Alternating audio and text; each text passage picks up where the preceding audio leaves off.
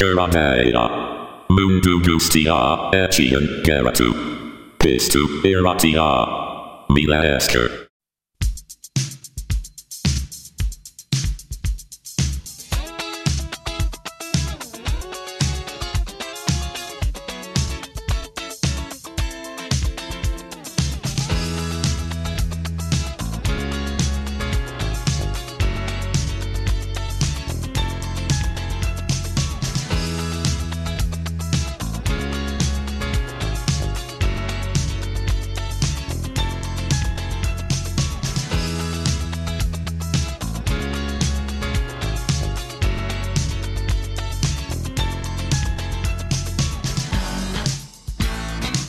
Kaixo guztioi, ze modu zaudete? Ondo espero dut! Kera deia entzuten ari zarete, zuen irratsaio gogokoena. Beti bezala musikari buruz hitz egingo dugu, beraz, besterik gabe, has gaite zen.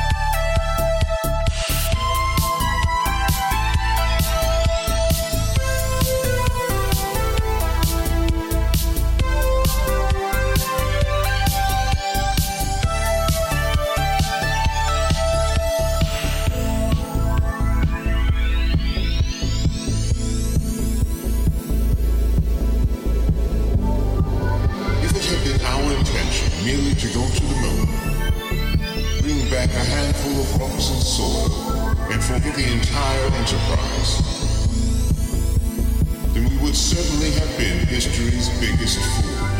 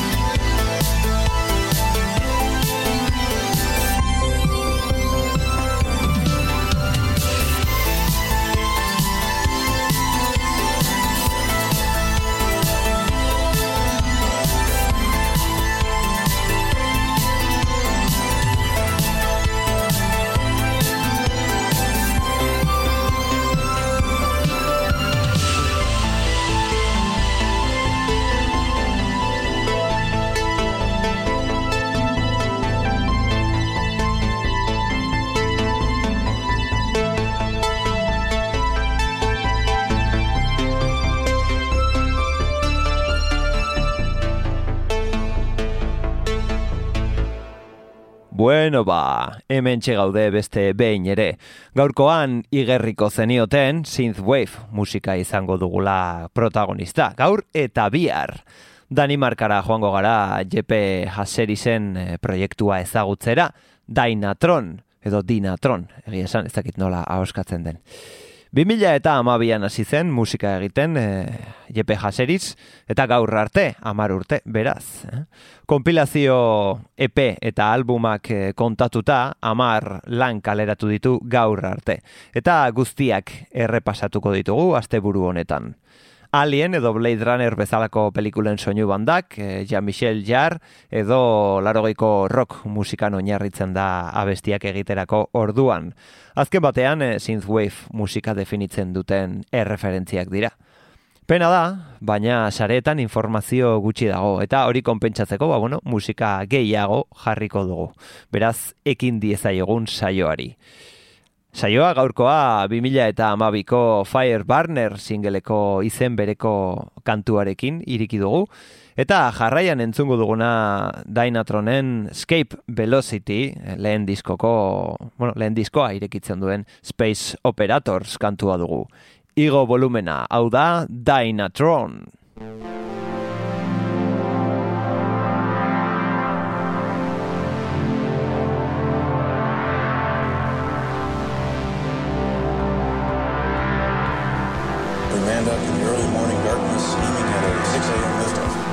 We did lift off, uh, I think about 6.55 in the morning.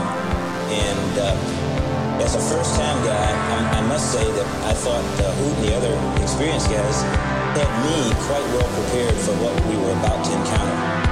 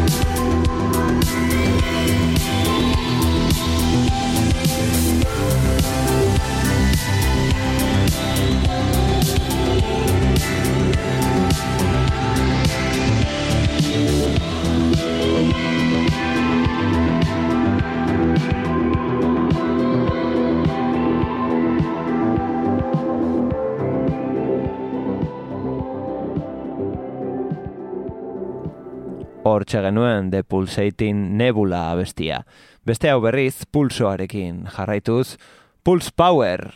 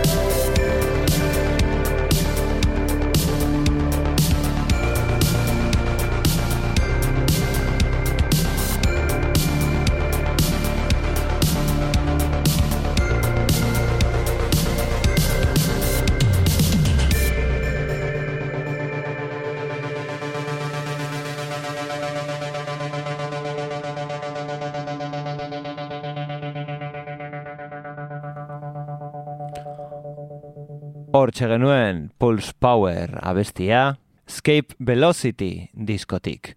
Urrengo kantua, bueno, lehen diskoak e, Dinatronek e, afasia rekordsekin kaleratu zituen. Eta afasia rekordsek egin zuen e, horlako kompilazio bat, bere artista guztiekin, futura compilation izenekoa. Bertan aurkituko dugu Dynatronen Stars of the Night abestia. Honela dio.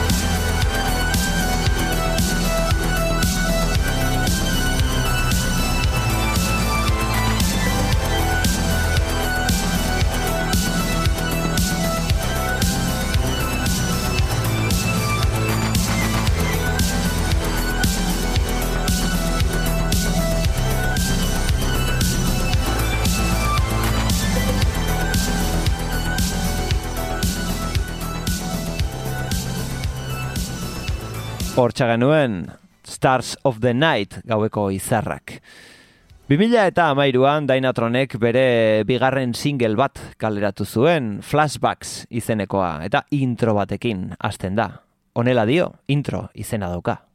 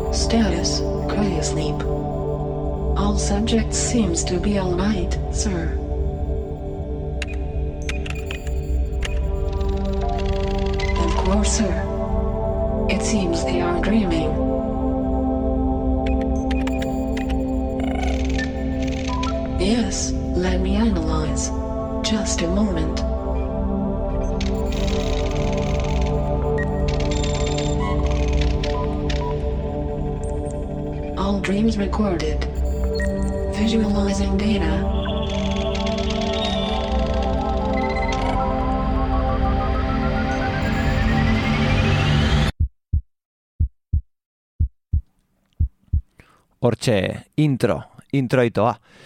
Jarraian entzungo duguna, single bereko Save the Moment da.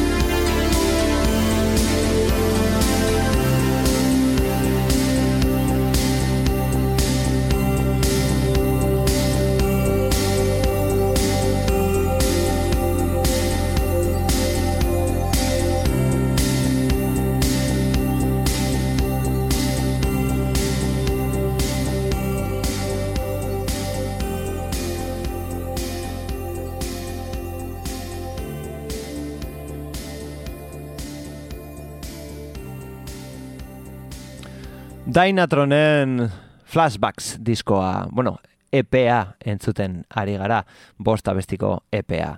Eta bertatik, Cruiser abestia entzungo dugu jarraian.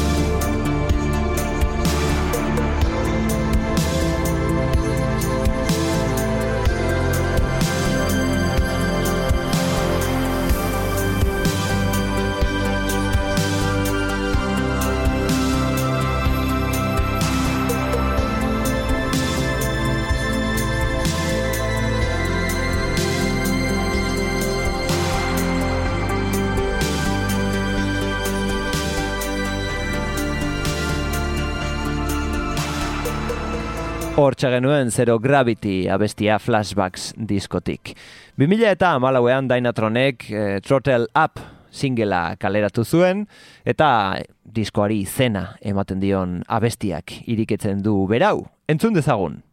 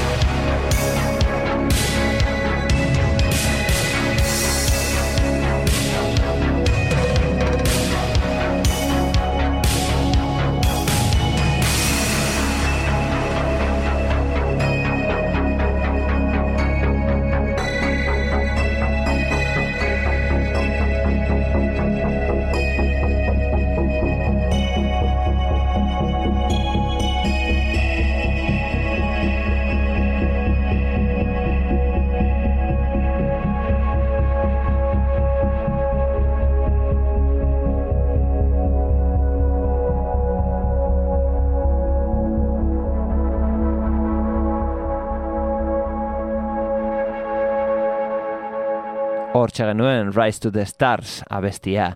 Dainatronen 2000 eta malauko Trottle Up epetik. Eta, bueno, e, konturatu gabe, ordu bete pasazaigu, eta, bueno, saioa agurtu beharrean gaude, hau izan da gaurkoak eman duena, espero dut zuen gustukoa izana Dainatroni eskenitako lehen atalau, nire partetik Eternus Theme abestiarekin utziko zaituztet, Bihar berriz egongo gara, ba, bueno, e, artista berdinarekin, hemen espero zaituztegu, ordur arte ondo segi, txintxo portatu, edo ez hori zuek ikusi, eta gogoratu, entzun kera deia, entzun, naiz, irratia.